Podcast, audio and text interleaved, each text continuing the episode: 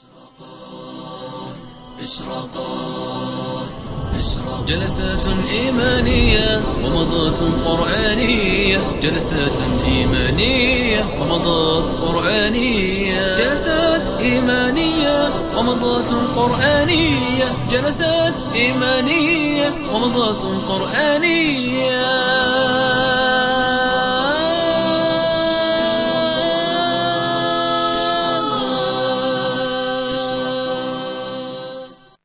بسم الله الرحمن الرحيم. الحمد لله رب العالمين صلى الله وسلم وبارك على خاتم النبيين وعلى آله وأصحابه أجمعين. في هذه الليلة ليلة الاثنين الرابع والعشرين من شهر محرم من سنة 1425 للهجرة نبدأ درس التفسير إن شاء الله تعالى المتعلق بسورة العاديات.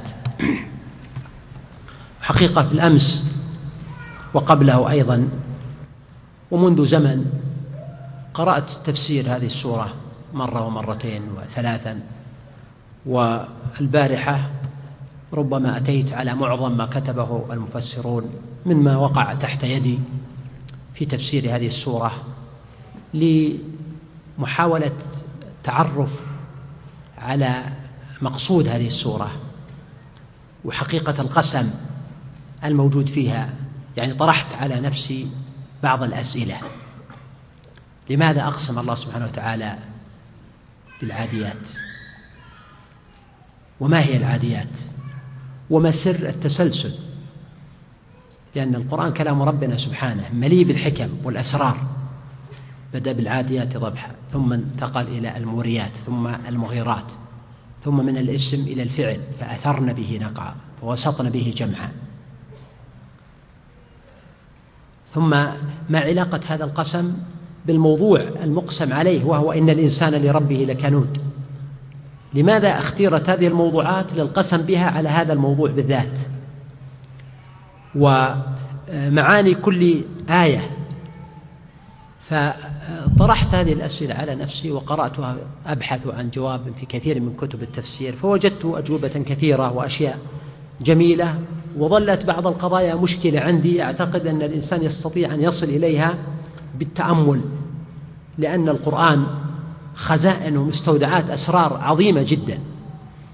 وقلت أنام وربما أن الذاكرة والذهن أثناء النوم يمكن أنه ما ينام. يظل يفكر بهذه الأشياء. ووقع في ذهني أنه إذا صحوت ربما يفتح الله سبحانه وتعالى وتكون بعض الأشياء قد انحلت. وجدت هذا كذلك وسبقا جربت في غير مسألة. لذلك ربما يكون من المستحسن أن الإنسان إذا تأمل مسألة ثم أشكلت عليه ولم يجد لها حلا جاهزا أو جوابا ناجزا أو شيئا مقنعا أن يضع عليها موقف ويريح بدنه وعقله ويعود إليها مرة أخرى. ويحرص على تكرار التأمل والنظر والقراءة مرة بعد أخرى حتى يفتح الله تبارك وتعالى عليه. هذه السورة اسمها العاديات في معظم المصاحف وكتب التفسير وبعضهم يضيف الواو فيسميها سورة والعاديات بالنظر إلى حكاية الآية وسياقها. آياتها إحدى عشرة آية باتفاقهم وليس فيها خلاف. هل هي مكية أو مدنية؟ هذا محل اختلاف. فمنهم من قال إنها مكية كابن مسعود وعطاء والحسن وعكرمة وقد يكون هذا أيضا قولا لعلي رضي الله عنه. ومنهم من قال إنها مدنية كابن عباس وأنس وقتادة ورجحه من المعاصرين الشيخ الطاهر بن عاشور صاحب التحرير والتنوير. واعتمد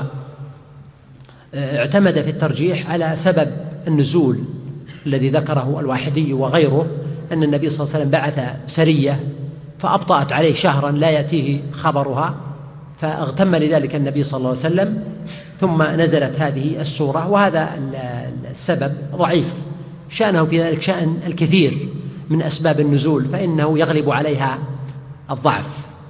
ولم يرد فيما أعلم في شأن هذه السورة حديث أو فضل خاص إلا شيء ذكره الفيروزبادي في بصائر ذوي التمييز وغيره مما لا يصح ولا يثبت. السورة كما تلاحظها اشتملت تقريبا على ثلاثة أجزاء أو ثلاثة مفاصل. القسم الأول منها قسم وهو يشمل تقريبا خمس آيات. أقسم الله تعالى بها والعاديات ضبحا فالموريات قدحا فالمغيرات صبحا فأثرن به نقعا فوسطن به جمعا. هذه كلها مقدمات تعتبر قسما أقسم الله تبارك وتعالى به. هذا هو الثلث الأول من السورة. الثلث الثاني هو الأمر أو الحقيقة التي أقسم الله عليها. إن الإنسان لربه لكنود وإنه على ذلك لشهيد وإنه لحب الخير لشديد.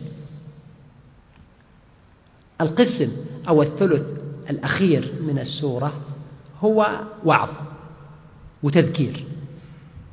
أفلا يعلم إذا بعثر ما في القبور وحصل ما في الصدور؟ إن ربهم بهم يومئذ لخبير. فهذه السورة ثلاثة أجزاء. سنقف عند الآيات باختصار ثم أذكر لكم بعض ما فتح الله به من المعاني والأسرار. بالنسبة للعاديات فهي مأخوذة من العدو. والعدو ما, ما هو؟ الركض السريع. طيب هل هو خاص بشيء من شيء العدو؟ هل هو خاص بالخيل مثلا؟ لا. الخيل تعدو الإبل تعدو. الإنسان يعدو أو ما يعدو. يعدو ولذلك العرب معروف عندهم العداؤون المشهورون في الجاهلية. كم العدائين كم العداؤون المشهورون في الجاهلية؟ أربعة. مشهورين سليك بن السلكة وتأبط شرا والشنفر وعمر بن أمية الضمري. فهؤلاء أشهر العدائين. وكذلك الصحابة معروف فيهم من كان منهم صاحب عدو سرعة. مثل من؟ مثل سلمة ابن الأكوع. يعني عندهم سبق وسرعة وركض وهذا لا يزال موجود عند الناس اليوم في سواء سباق الخيل أو سباق الإبل أو سباق الأقدام وغيرها. إذا العاديات هي حيوانات عادية أقسم الله بها. تعدو تسرع تركض. يحتمل أن تكون هي الخيل وهذا مذهب أكثر المفسرين. أن المقصود بالعاديات هنا الخيل. لماذا خصوا الخيل؟ خصوه لقوله ضبحا. لأن الضبح هذا هو ما يسميه العرب الحمحمة. ما هي الحمحمة؟ هي صوت الخيل إذا أسرعت وركضت. يعني يصير لها صوت قوي جدا في داخلها ما ما يبين. يعني أح أح أح. فهذا الصوت هو ما يسمى بالضبح. وقد نقل عن ابن عباس وغيره أنه لا يضبح إلا الثعلب والفرس. وإذا قيل بأن المقصود بالعاديات غير الخيل فيكون هذا على سبيل الاستعارة والنقل.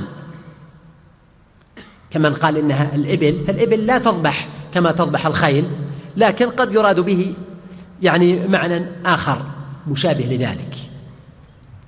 وقيل إن المقصود بالعاديات هي الإبل. وهذا اختيار علي بن أبي طالب رضي الله عنه فقد جاء عند عن الشعبي وغيره أن رجلا سأل علي بن أبي طالب وكان عند زمزم وقال له ما العاديات ضبحا؟ فقال له علي بن أبي طالب العاديات ضبحا هي الإبل. فكأن الرجل استغرب. قال له علي هل سألت أحدا غيري أو قبلي؟ قال نعم. من؟ قال سألت ابن عباس. قال فما قال لك؟ قال إنها الإبل إنها الخيل. قال علي به. فجاءوا بابن عباس وكان هذا في عهد خلافة علي رضي الله عنه. فقال له علي يا ابن عباس أقلت في العاديات ضبحا إنها الخيل؟ قال نعم. قال أتفتي فيما لا علم لك به؟ والله لقد غزونا مع رسول الله صلى الله عليه وسلم غزوة بدر وما كان معنا إلا فرسان. ما كانت إلا الإبل. فالعاديات هي الإبل وقد أقسم الله بها وبغارتها. فكأن علي رضي الله عنه مع ابن عباس ما قال أنها كانت في بدر أو شيء من هذا القبيل لكن كأن عليا أدرك أن ابن عباس يقصد أن هذا كان في غزوة بدر أو سرية من السرايا. فأرشده إلى أنه لم يكن الأمر كذلك وأن الله تعالى أقسم بالإبل التي تعدو. وتضبح أو تضبع وقد يكون ذلك مدها لعنقها فيطلق عليه الضبح أو الضبع. طيب وقوله ضبح هذا من حيث الإعراب هو مفعول مطلق أي تضبح ضبحا. هذا القس الآية الأولى. أقسم الله بها والعاديات ضبحا. سيأتي إن شاء الله محاولة فك بعض السر في هذا. ثم قال الله سبحانه فالموريات قدحا. أورى ما معناها؟ أوقد أو شب زي ما تقول شب النار يعني. فالذي يوري هو الذي يقدح قدح. وإذا قال فالموريات قدحا يقدح مثلا النار أو شيء للإيقاد. والقسم هنا والله أعلم في قوله فالموريات منه أورى النار هي الخيل إذا جرت. لأنها تقدح النار بحوافرها إذا ضربت حوافرها في آه، الصخر أو غيره أو الحجارة التي في الأرض وبسرعتها فإنه يقع من جراء ذلك نوع من الشرر أو القدح البسيط. وهذا يعني قول جمهور المفسرين كما ذكرت وهذا أيضا قد يقوي ويعزز قول أن المقصود الخيل لأن الإبل غالبا لا يقع لها ذلك بخفافها إلا بنوع من التكلف أن نقول أن الإبل إذا صار أسرعت ضربت الحجارة فيضرب الحجارة بعضها ببعض ويقع من جراء ذلك قدح ونار أيضا. طيب وبعضهم قالوا في الموريات انها شيء آخر بعضهم قالوا هذه نيران المجاهدين إذا أوقدوها لأنه غالبا إذا هموا بالهجوم أوقدوا النيران حتى يبدو كما لو كانوا كثيرا.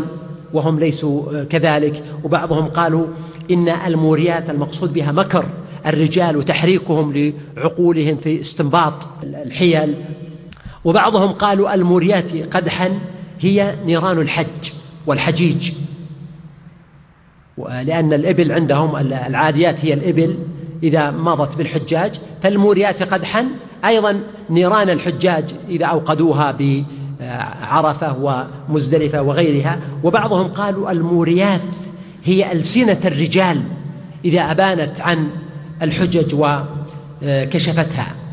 والأقرب عندي أن المقصود بالموريات والله أعلم هي الخيل كما ورد. إذا ضربت بحوافرها الأرض الصلبة فأورت ولذلك كان النابغة يقول ولا عيب فيهم غير أن سيوفهم. بهن فلول من قراع الكتائب تقد السلولي أو السلوقي المضاعفة نسجه وتوقد بالصفاح نار الحباحب. وتوقد بالصفاح نار الحباحب. هذه النار يسمونها نار الحباحب أو نار أبي حباحب. الحباحب هو طير صغير في الليل كأنه يولع ينور. وبعضهم يقول لا هذا أبو حباحب رجل من مضر في الجاهلية بخيل بخيل جدا.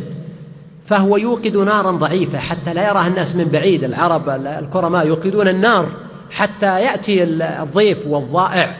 وكما كان يقول آه، سيد آه، عنترة لما كان يقول له أوقد فإن الليل ليل قر والريح يا موقد ريح صر حتى يرى ناريا من يمر.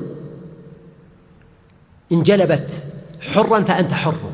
فكانوا يفخرون بإيقاد النيران حتى يأتي الناس من بعيد لكن هذا بخيل. فكان يوقد النار ضعيفة حتى لا يراها أحد وإذا ظن أن أحدا رآها أطفأها بسرعة. فصارت باسمه نار الحباحب أو نار أبي حباحب. هذه نار ضعيفة يعني لا يستفاد منها ولا يعول عليها مجرد ومضة ثم تنطفي. وهذا مثل يصلح للإنسان الذي يعني لا يأتي منه إلا قليل خير قليل يعني. فتقول فلان مثل نار الحباحب ما يعني ليس هناك شيء يعول عليه.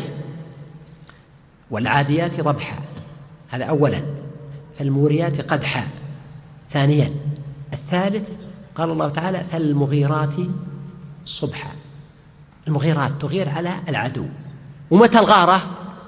الصباح لأنه كان معروف أنه أكثر ما يغيرون وقت الصباح.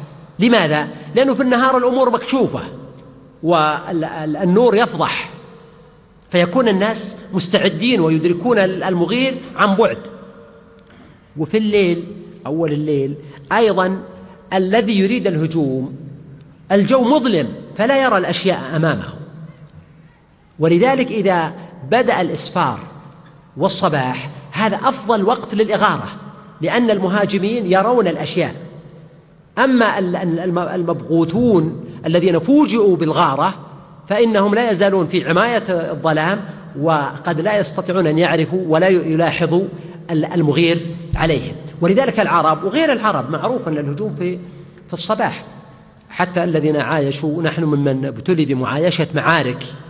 فالغالب أن المسلمين من ضحاياها كما تذكرون في حرب أفغانستان أو العراق أو حروب اليهود في الغالب أن هذا الوقت وقت لا يزال على رغم تغير الحياة البشرية ووجود الإضاءات وسواها إلا أنه في الغالب أنه هذه هي الأوقات الفاضلة للهجوم لأن فيها جانب المباغتة. وهكذا عند العرب كانوا يقولون نحن الذين صبحوا الصباح يوم النخيل غارة ملحاحة وإذا أرادوا أن يجمعوا جموعهم قالوا وصباحاه.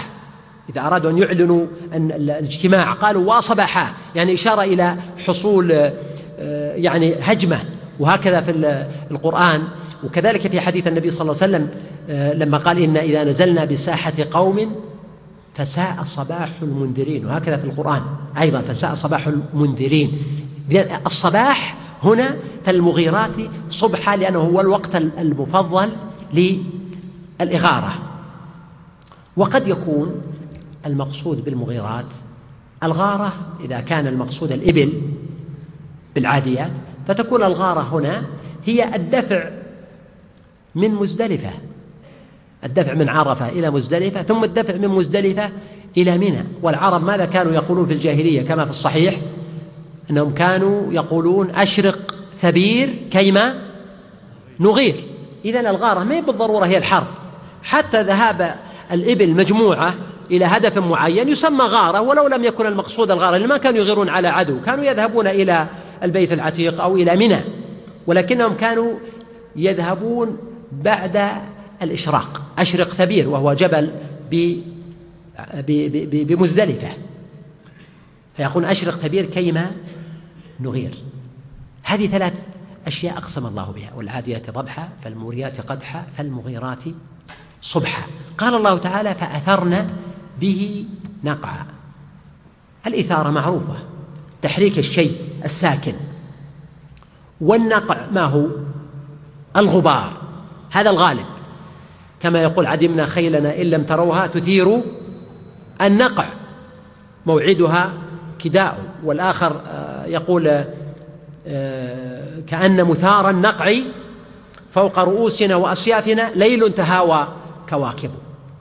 إذا النقع خصوصا إذا جاء معه كلمة أثار أو مثار الغالب أن المقصود به الغبار. فأثرن به. به يعني بماذا؟ الهذي كناية عن ماذا؟ ما هو الذي أثرن به؟ نقعا ها؟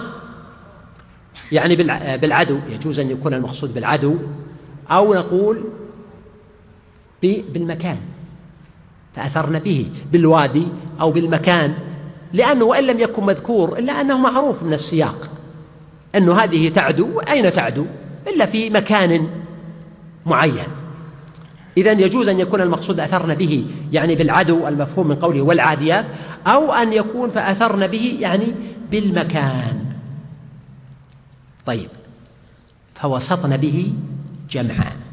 به أيضا يحتمل أن تكون بالعدو ويحتمل أن تكون بالمكان فوسطن به جمعا يعني صرنا في وسط هذا الجمع. جمع يعني جمعا من الأعداء الذين استهدفتهم الغارة فصارت في وسطهم.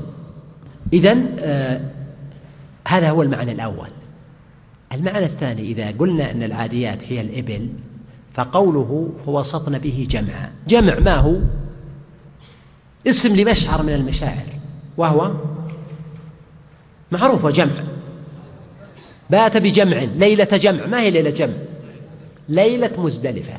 إذا فوسطنا به جمعا يعني دخلنا بمزدلفة التي اسمها جمع مشعر من المشاعر فتكون انطلقت وأغارت حتى صارت في وسط هذا المشعر الحرام. وأنت تلاحظ أن السياق في البداية أسماء. ثم صار أفعال. يعني في الأول قال الله تعالى وأقسم بالعاديات فالموريات فالمغيرات ثم انتقل السياق وتغير بخلاف سور أخرى والنازعات غرقا والناشطات نشطا والسابحات سبحا فالسابقات سبقا كلها على سياق واحد. بينما هنا لا. ثلاث آيات كانت عبارة عن أسماء اسم فاعل العاديات فالموريات فالمغيرات. ثم انتقل السياق إلى فعل. قال فأثرن به نقعا فوسطن به جمعا. وهذا الفعل كأنه والله تعالى أعلم أبلغ مما لو ساق مجموعة من الأسماء المتسلسلة. كما يقول الشاعر يقول بأني قد لقيت لقيت الغول يهوي بشهب كالصحيفة صحصحان. هذا عربي يدعي تعرف العرب عندهم ادعاءات الله أعلم بصحتها. يعني عندهم كلام طويل عريض والصامل قليل. فهذا يدعي أنه لقي الغول. وين لقي الغول؟ يقول لقيت الغول يهوي بشهب كالصحيفة صحصحان فآخذه فأضربه. فخرت صريعا لليدين وللجراني لن يسأله أحد من الناس عن هذه الدعوة. فالشاهد قول فآخذه فأضربه فخرت. يعني التنويع يحدث عند الإنسان نوع من عدم الاسترسال أو الاعتياد على الشيء ويغير النمط الذي اعتاده سمعه. و ولذلك هنا قال الله سبحانه وتعالى فأثرن به نقعا فوسطن به جمعا وسوف أذكر في النهاية سبب الانتقال أيضا من الاسم إلى الفعل. قال الله سبحانه وتعالى هذا الآن هو القسم. انتقل للأمر الحقيقة التي أراد الله تعالى تقريرها فقال إن الإنسان لربه لكنود. هذا هذا جواب القسم هذا القسم الآن المقسم عليه. هذا الجواب إن الإنسان من هو الإنسان؟ أكثر المفسرين يقولون الإنسان الكافر أو الفاجر وهذا محتمل.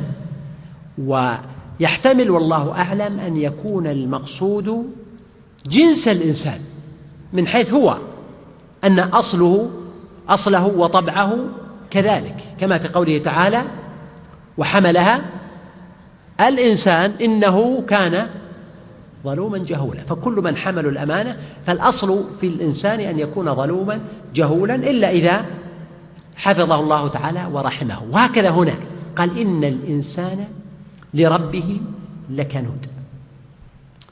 فهذا هو الأقرب. ما هو الكنود؟ الكنود قال ورد عن النبي صلى الله عليه وسلم أنه في حديث أبي أمامة وهو ضعيف أنه قال هو الذي يأكل وحده ويمنع رفده ويضرب عبده. وهذه صفات سيئة في الإنسان ولكن نقول إن الكنود أوسع من ذلك. منهم من قال الكنود هو الكفور الذي يجحد النعمة ويجحد ربه. منهم من قال الكنود الجحود الذي لا يعترف بالفضل والإحسان وإنما دائما يذكر السيء. منهم من قال الكنود هو الحقود أو الحسود. منهم من قال هو الذي ينسى الحسنة ويذكر السيئة. وبعضهم نظم هذا في أبيات يقول يا أيها الظالم في فعله. والظلم مردود على من ظلم. إلى متى أنت؟ وحتى متى تشكو المصيبات وتنسى النعم؟ تشكو المصيبات وتنسى النعم. طيب إذا إن الإنسان لربه لكنود. أقسم الله تبارك وتعالى على هذا الأمر المقسم به وكأن ذلك إشارة إلى أن ما شرعه الله تعالى على العباد وأوجبه عليهم مما في ذلك طبعا الجهاد في سبيل الله بالنفس والمال وكل ما يمكن أن الذي يحول بين الإنسان وبين طاعة الله سبحانه وتعالى هو حظ النفس وهوى النفس وما يكون في الإنسان أحيانا من الجحود والنكران والأنانية إن الإنسان لربه لكنود وإنه على ذلك لشهيد وإنه لحب الخير لشديد. قوله وإنه على ذلك وإنه من هو؟ الإنسان. جميل. بعضهم قالوا إن مرجع الضمير إلى الله. وهذا لأنه قال إن الإنسان لربه لكنود. فقالوا إن وإنه على ذلك لشهيد يعني إن الله إن ربه عليه لشهيد. وهذا ضعيف. بل الراجح كما ذكرتم أن المقصود وإنه الإنسان. طيب هل الإنسان يشهد على نفسه أنه كنود؟ هذا إشكال. بعضهم الذين قالوا إن مرجع الضمير إلى الله كأنهم أرادوا الخروج من هذا الإشكال. هل الإنسان كنود وهو يشهد على نفسه؟ هل هو يشهد على نفسه بأنه كنود؟ فنقول إن المقصود والله أعلم الإنسان فعلا وإنه يعني وإن الإنسان على ذلك لشهيد. طيب شهادته كيف تكون؟ تكون بأحوال عدة. منها أنه يدرك ذلك من نفسه حال الهدوء والمراجعة والملاحظة والنظر في حال النفس. فإن الإنسان تمر به أحوال شتى فربما غلب عليه أحيانا غضب أو غلب عليه هوى أو شهوة أو معنى من المعاني فانطلق فيه ثم يفيق بعد ذلك وقد يشهد على نفسه في الدنيا. بالخطأ والاعتراف. ولذلك كما تجد في القرآن قال ربنا ظلمنا أنفسنا آه، إنما التوبة على الله للذين يعملون السوء بجهالة ثم يتوبون من قريب. إلى غير ذلك من النصوص التي تدل على أن الإنسان في كثير من الحالات يفيق فيشهد على نفسه بما جرى منه. هذا من معاني الشهادة وإنه على ذلك لشهيد أي يشهد إذا انتبه واستيقظ ولاحظ نفسه. ولذلك أرى أن من أعظم ما يربي نفس الإنسان هو الملاحظة. ليس نصيحة الآخرين لك ربما ينصحك الناصحون ولا تستفيد. لماذا؟ لأنك ترى أنهم ظلموك أو جاروا عليك أو ما أشبه ذلك أو تعذر لنفسك بشتى المعاذير.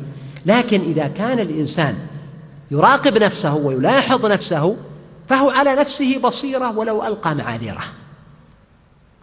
ثانيا من معاني وإنه على ذلك لشهيد. ترى هذه يعني اجتهادات في فهم الآية. تقبل الأخذ والرد لكن هذا ما يعني فهمته من السياق. المعنى الثاني وإنه على ذلك لشهيد أي يشهد بعضهم على بعض. كما أنهم يشهدون على بعضهم في مصالح الدنيا والحقوق وغيرها كذلك في الدنيا يشهد بعضهم على بعض ولذلك تلاحظ أن الكثير من الناس يدرك عيوب الآخرين ولا يدرك ماذا؟ عيب نفسه. فهذا من الشهادة.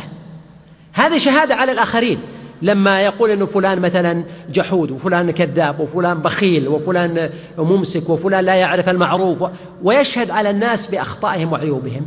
فهذه من جهة شهادته عليهم كما في الحديث الصحيح هذا أثنيتم عليه خيرا فوجبت له الجنة وهذا أثنيتم عليه شرا فوجبت له النار أنتم شهداء الله في الأرض وكذلك هي شهادة على نفسه من وجه آخر لأنه كونه يبصر القذات في عين الآخرين ولا يبصر الجذع في عينه هذا دليل على ماذا؟ على أنه يشكر المصيبات وينسى النعم ويرى الحسنات ويجحد ويرى السيئات ويجحد الحسنات. أيضا من معاني الشهادة وإنه على ذلك لشهيد أنه قد يشهد على ذلك في الدار الآخرة. يوم تشهد عليهم ألسنتهم وأيديهم وأرجلهم تشهد على الإنسان جوارحه بكل ما عمل. المعنى الخامس وإنه على ذلك لشهيد أي أن أنه يشهد بلسان الحال وإن لم يشهد بلسان المقال. يعني قد لا يعترف الإنسان بأنه كنود جحود لكن حاله تشهد بذلك. ولهذا انظر إلى العجائب. لما تقرأ في كتب الأدب كلها على سبيل المثال اقرأ في العقد الفريد أو اقرأ في آه، كتب ابن قتيبة عيون الأخبار أو غيرها أو أي كتاب من كتب الأدب اقرأ ما كتبه العلماء والأدباء والشعراء وغيرهم عن الإنسان. تجد أنهم كثيرا ما يسبون جنس الإنسان. فيقولون ذهب الناس وبقي النسناس الإنسان في كذا الناس كذا الناس كذا يعني ورق شوك لا ورق فيه وهكذا. طيب هل أنت أيها الكاتب أو المؤلف أو الشاعر مثل ما يقول أيضا أبو الطيب المتنبي يقول فصرت أشك في من أصطفيه يعني لأنه بعض الأنام وكنت أجازي بابتسام صرت بابتسام بابتسامي. المهم لعلمي أنه بعض الأنام إلى غير ذلك مما كتبوه. طيب أنتم يعني يا من تسبون الناس وتسبون الأنام استثنى أنتم؟ ولا الكلام اللي تسبون فيها الخلق ينطبق عليكم؟ فهنا يكون الإنسان إذا يشهد على نفسه وعلى كنوده وعلى جحوده يشهد بلسان الحال إن لم يشهد بلسان المقال. فهذا الإنسان الذي خلقه الله تعالى وكرمه واصطفاه وميزه ومع ذلك ربما يعني قصر في عبادة ربه أو أخل بواجباته فهذه من معاني الشهادة خمسة معاني كلها صحيحة وكلها والله أعلم داخلة في قوله وإنه على ذلك لشهيد وإنه على ذلك يعني شهيد على كنوده شهيد على كنوده. في معنى آخر أن تكون على هنا بمعنى مع. ويطعمون الطعام على حبه يعني مع حبه. يعني وإنه مع ذلك لشهيد يعني شهيد على هذه الحقيقة. وإنه لحب الخير لشديد. ما هو الخير؟ المال. أكثر المفسرين يقولون المقصود بالخير المال. وقد يكون هذا جنس وهو في القرآن الكريم إن ترك خيرا الوصية للوالدين فالخير هو المال وهو أحد معانيه لأن الغالب أن المال محبوب وأن الناس يعدونه خيرا وأنه مدرج وسبيل إلى الخير. وإنه لحب الخير لشديد. يعني يحب المال حبا شديدا كما قال الله سبحانه وتعالى تحبون المال حبا جما طيب. وبعضهم يقولون يعني وإنه لشديد يعني لبخيل. بسبب حب الخير فتكون اللام هنا سببية وإنه لحب الخير يعني لشدة حبه للخير فهو بخيل فيكون معنى شديد هنا بخيل والشديد تأتي بمعنى البخيل كما قال أرى الموت يعتام الكرام ويصطفي عقيلة مال الباخل المتشدد. المتشدد يعني بالمال الممسك. والمعنى متقارب على كل حال وإنه لحب الخير لشديد. ثم قال الله سبحانه وتعالى أفلا يعلمون؟ هذا الآن القسم الثاني من السورة أن الله تعالى أقسم على هذه الحقيقة أن الإنسان لكنود وهو على هذا شهيد وهو لحب المال والخير شديد. ثم قال الله سبحانه وتعالى أفلا يعلمون؟ إذا بعثر ما في القبور. هنا بدأ الوعظ والتخويف والزجر والتهديد. أفلا يعلم هذا الإنسان؟ إذا بعثر ما في القبور. والبعثرة كلمة تدل على معناها. يعني لما تجد أشياء مبعثرة يعني مرمية على غير انتظام. شيء هنا وشيء هناك. أي أثير وأخرج وفرق ورمي به على غير انتظام.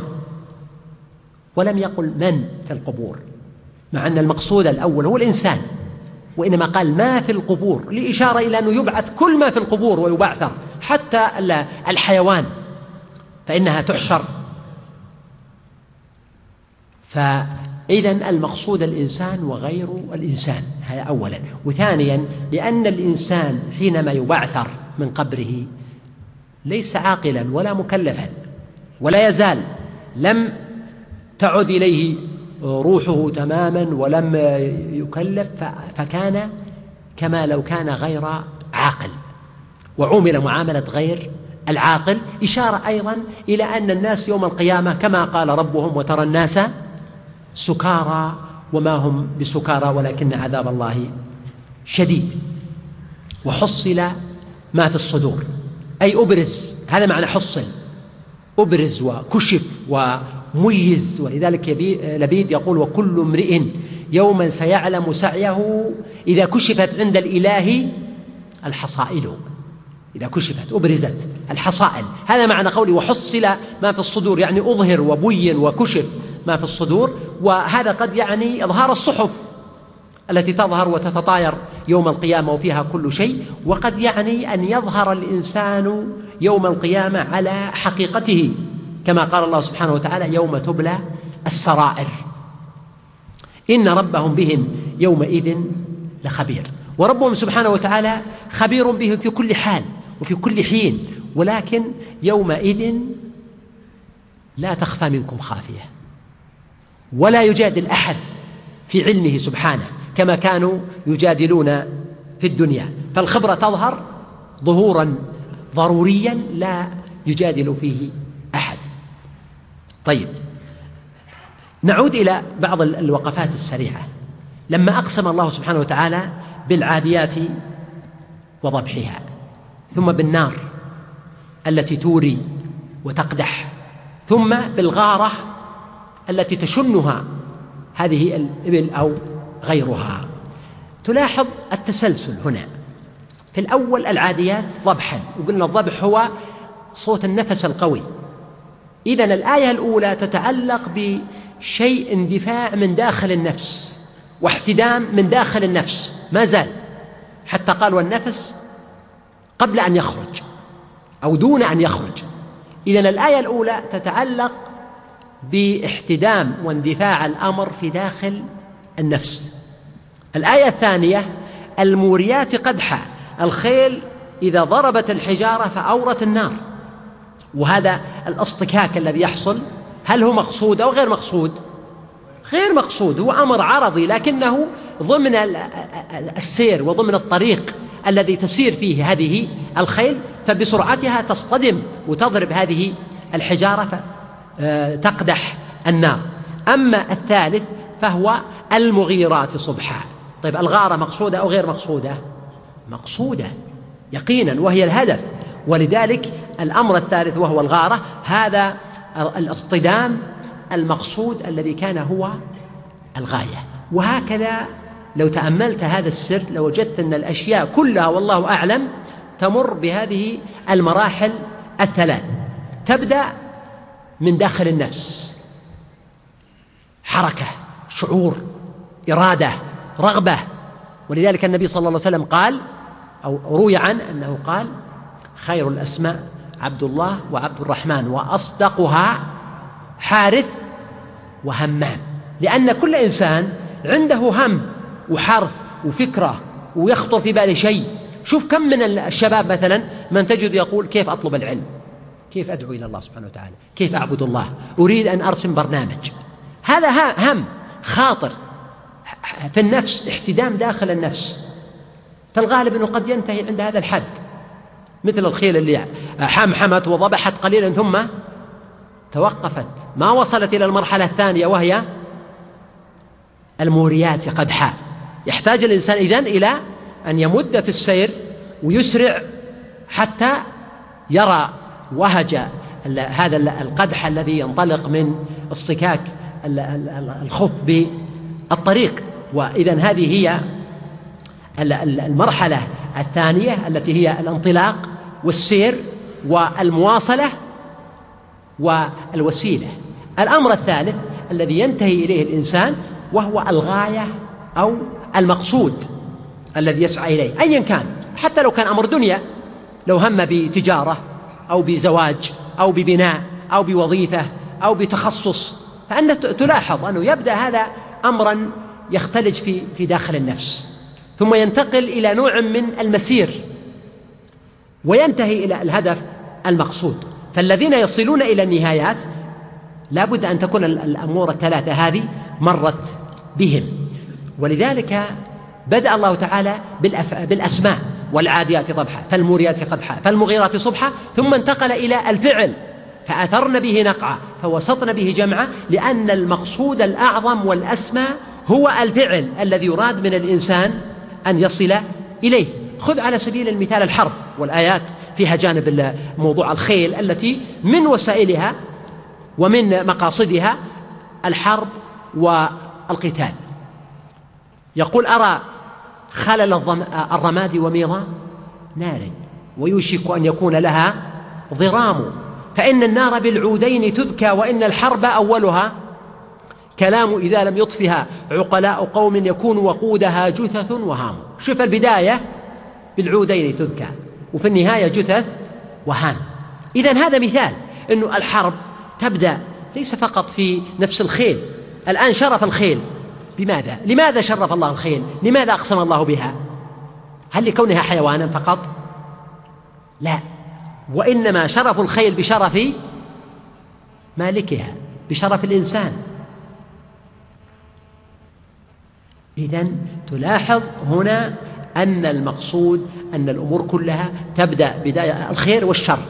تبدأ بداية بسيطة في داخل النفس ثم المسير الذي قد يضعف وينقطع أو يستمر ويقدح النيران بسرعته واندفاعه وينتهي إلى الغارة وإلى الهدف المقصود سواء كانت غارة حقيقية أو غارة على أمر من الأمور المطلوبة.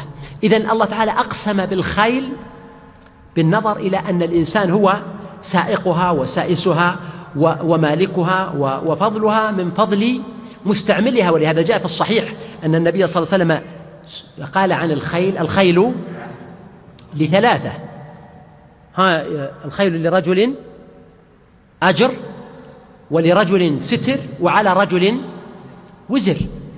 إذا شرف الخيل وقيمتها والقسم بها هو بالنظر إلى مالكها وهو الإنسان. ومن هنا كان القسم بها في هذه السورة. أيضا الإنسان نفسه دع الخيل الآن. الإنسان يركب الخيل دع الخيل الآن. الإنسان نفسه عبارة عن جسد وروح ونفس وعقل. شرف الإنسان هل هو ببدنه؟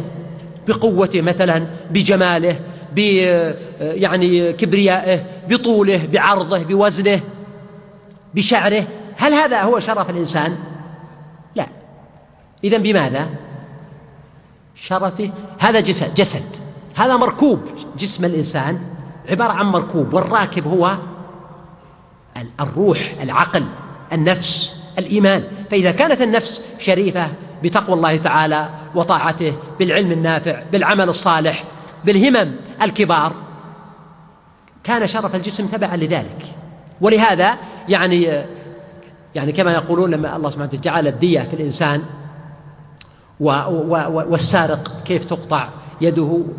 فأبو العلاء المعري ينسب له أنه كان يقول يد بخمس مئين عسجد وديت. ما بالها قطعت في ربع دينار؟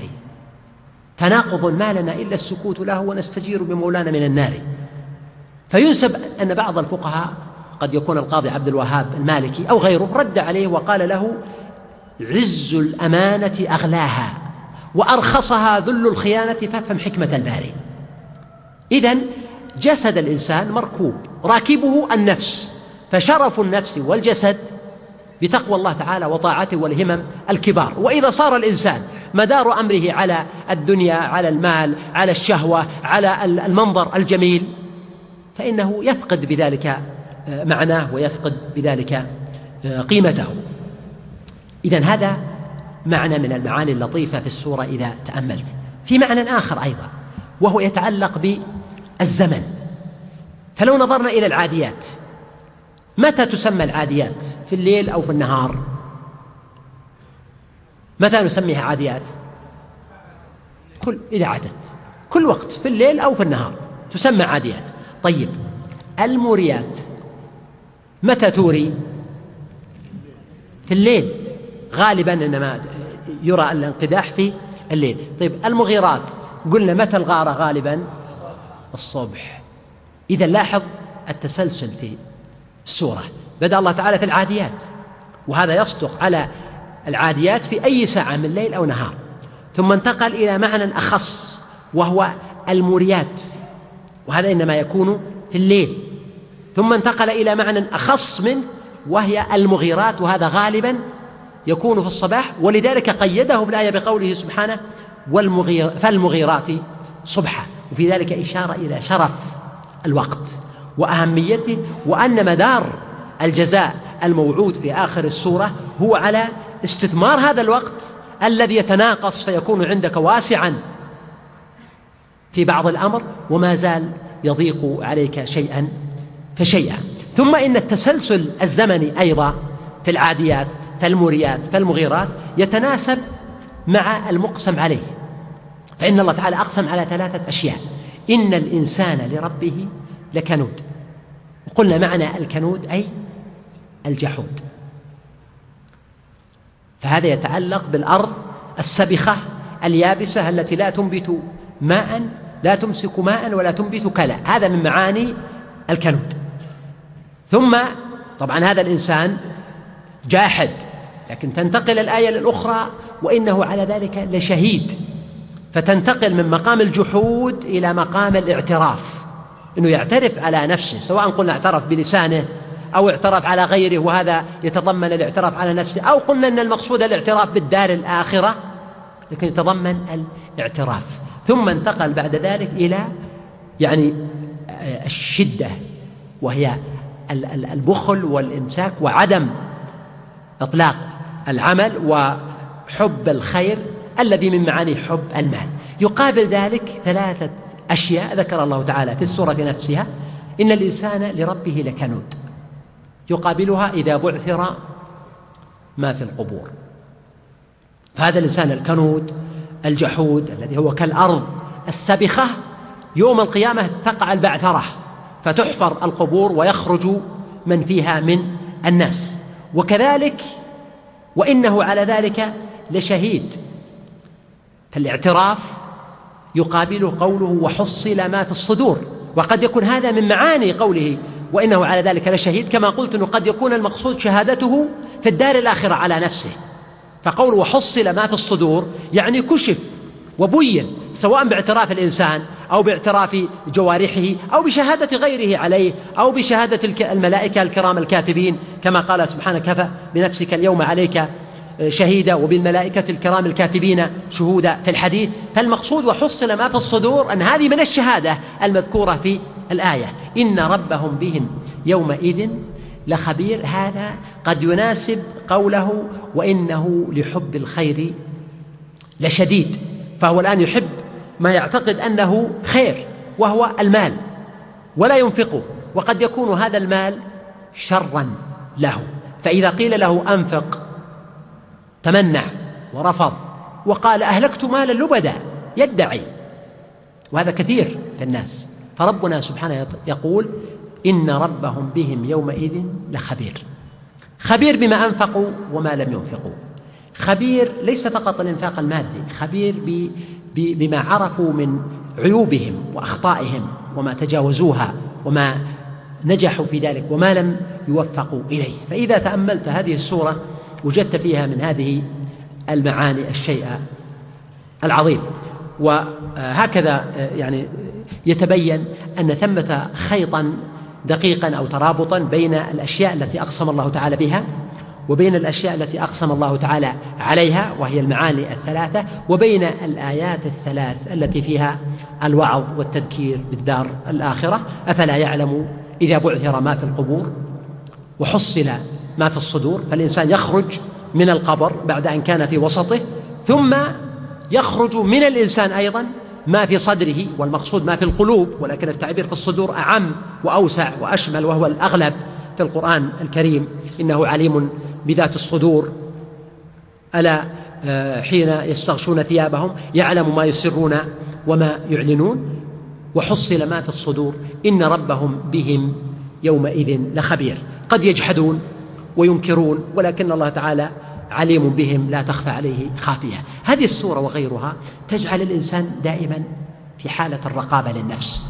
وهذه من المقامات العظيمة التي آه، يغفلها الكثير من الناس. وقد رأيت حتى طلبة العلم والأشياخ والصلحاء والآباء والموجهين. في الغالب أن الإنسان يلاحظ الآخرين أكثر مما يلاحظ نفسه لأن الآخرين يكونون بمرمى ومرأى عينه وسمعه وبصره. فهو نقاد. فلان قال كذا وفعل كذا.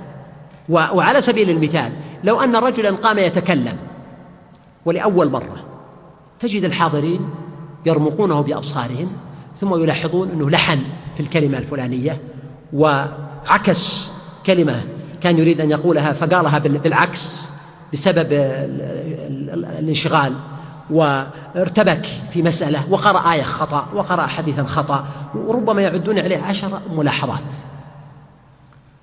لكن هو لا يلاحظ نفسه. وهم أيضا لا يلاحظون أنفسهم. لو أن أحدهم قام لم يتفطن لمثل هذه المعاني. فكثير من الناس يبتلون بشدة الرقابة أنوار مسلطة كاشفة على الآخرين. ولذلك تجد أنه من ثمرة ذلك طبعا لو أدى هذا إلى أن الإنسان يقيس على نفسه ويدري أن العيب الذي في الناس فيه كان حسنا. لو أدى إلى نوع من النصيحة المعتدلة الهادئة المشفقة كان حسنا لكن المشكل أنه يؤدي إلى خلتين كلاهما شر من الأخرى. الخلة الأولى أن يغفل الإنسان عن عيوبه لأنه مشغول بالآخرين والشافعي رحمه الله يقول قبيح من الإنسان ينسى عيوبه ويذكر عيبا في أخيه قد اختفى. الأمر الآخر الأمر الثاني أنه يؤدي إلى نوع من ازدراء الناس واحتقارهم لأنه جمع فيهم العيوب وهذان متلازمان. كما قال النبي صلى الله عليه وسلم في حديث ابن مسعود الكبر بطر الحق وغمط الناس. بطر الحق يعني جحده بحيث هذا الإنسان لا يرى في نفسه عيب. أنا أذكر واحد مرة أتاه إنسان ينصحه قال أنا كامل كامل ما فيني عيب. إي والله أنا كامل. و... وآخر ذهب إلى المستشفى مريضا فجاءه رجل يعوده. وقال له طهور كفارة إن شاء الله. قال كفارة أنا علي ذنوب أنا. حتى تكفر. وهذا صحيح قد لا يوجد كثيرون يقولونها بألسنتهم لكن يستبطنونها. الكبر داء دوي ليس الكبر هو مرض الملوك والتجار. الكبر أمر غالب عند كثير من الناس. وربما يبتلى بالكبر طالب العلم أو الداعية أو الواعظ أو المتحدث أو غيرهم فيكون كبيرا في عين نفسه ويرى نفسه ما لا يراه الناس. ولذلك يقول تواضع تكن كالنجم لاح لناظر على صفحات الماء وهو رفيع. ولا تك كالدخان يعلو مكانه ليخفي وهو وضيع. فالإنسان المتكبر مثل الدخان في سرعته وخفته والإنسان المتواضع مثل النجم يرى في الماء وهو بمكانه فهما متلازمان الكبر الذي هو بطر الحق وجحده ورؤية الإنسان نفسه بمنظار الكمال ولذلك قد يعيب الناس ليس لأنه يريد أن يصحح لكن يريد أن يحتجن ويختص الحق لمن؟ لنفسه. هو فقط الكامل وهو فقط العالم وهو فقط الناصح وهو فقط المخلص وهو فقط الوفي وهو فقط الثابت الذي لا يتزعزع وهو فقط مثلا الإنسان الذي فيه ألوان وصنوف الخير والقوة والكمال. بينما الآخرون قد يتهمهم بأمر مما يبعدهم فيه. عما هم فيه إما يتهمهم بدينهم أو يتهمهم بنياتهم أو يتهمهم بأعراضهم أو بأخلاقهم أو بغير ذلك. والأمر الثاني يعني بطر الحق وغمط الناس فهما متلازمان. يزر الناس ليثبت الكمال لنفسه. وهذا المعنى لا يدركه الإنسان. مهما وعظ ونصح وسمع من الدروس والمحاضرات لا ينتبه له الإنسان إلا إذا حاول أن يفهم دائما. أنه ترى الكلام يوجه لك أنت خصيصا من بين هالخلق كلهم. لا تعتبر أن الكلام يوجه أربعمائة خمسمائة ألف مئة لا.